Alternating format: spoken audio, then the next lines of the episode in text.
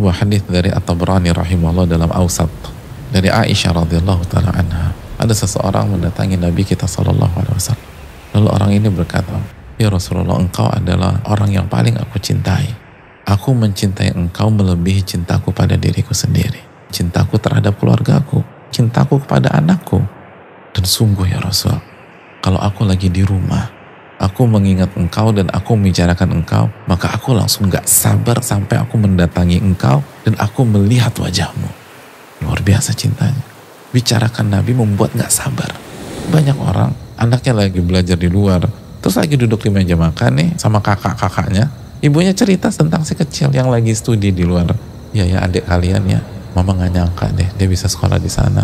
Kalian ingat gak ketika dia kecil? Mama kok jadi ingat dia ya? Pengen meluk dia sekarang nggak terasa. Nangis nih si ibu. Subhanallah. Ini dialami para sahabat ketika teringat Nabi SAW di rumahnya.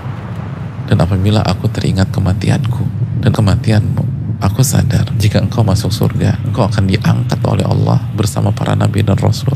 Kalau aku pun masuk surga aku khawatir nggak bisa ngeliat engkau lagi. Ketika Nabi mendengar kalimat itu itu Nabi diam nggak bisa bicara.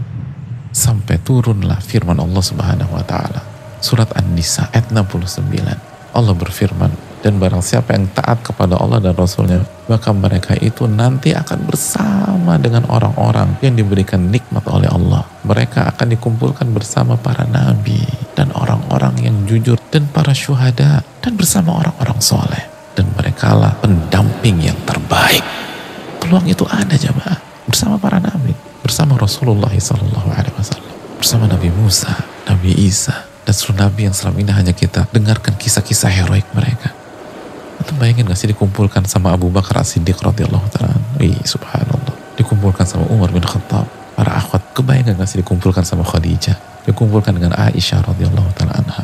Gak ada pendamping yang lebih baik dari mereka. Maka mintalah pertolongan kepada Allah lalu